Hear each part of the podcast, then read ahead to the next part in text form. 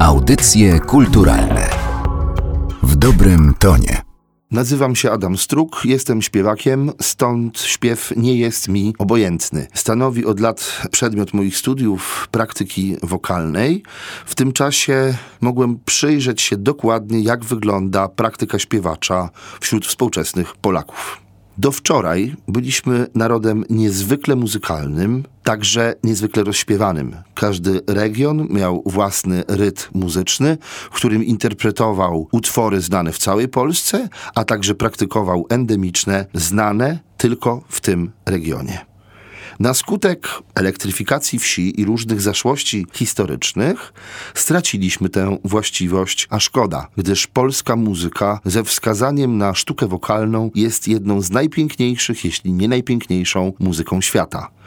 Był moment w historii europejskiej, gdy polska muzyka nadawała ton muzyce europejskiej za sprawą związków dynastycznych. W wieku XVII i XVIII polskie tańce były podstawą tańca dworskiego europejskiego. Jeśli chodzi o śpiew wspólny, jest on w jakiejś mierze miarą żywotności społeczeństw, które go praktykują. Jego brak dowodzi atrofii kulturowej i z taką niestety sytuacją mamy do czynienia obecnie.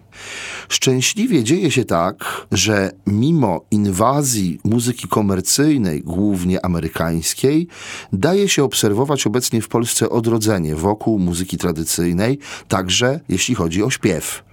Przybiera to formę środowisk zajmujących się śpiewem polskim in crudo, czyli bez stylizacji. To istotne, by przekazywać ten depozyt w formie niezmienionej.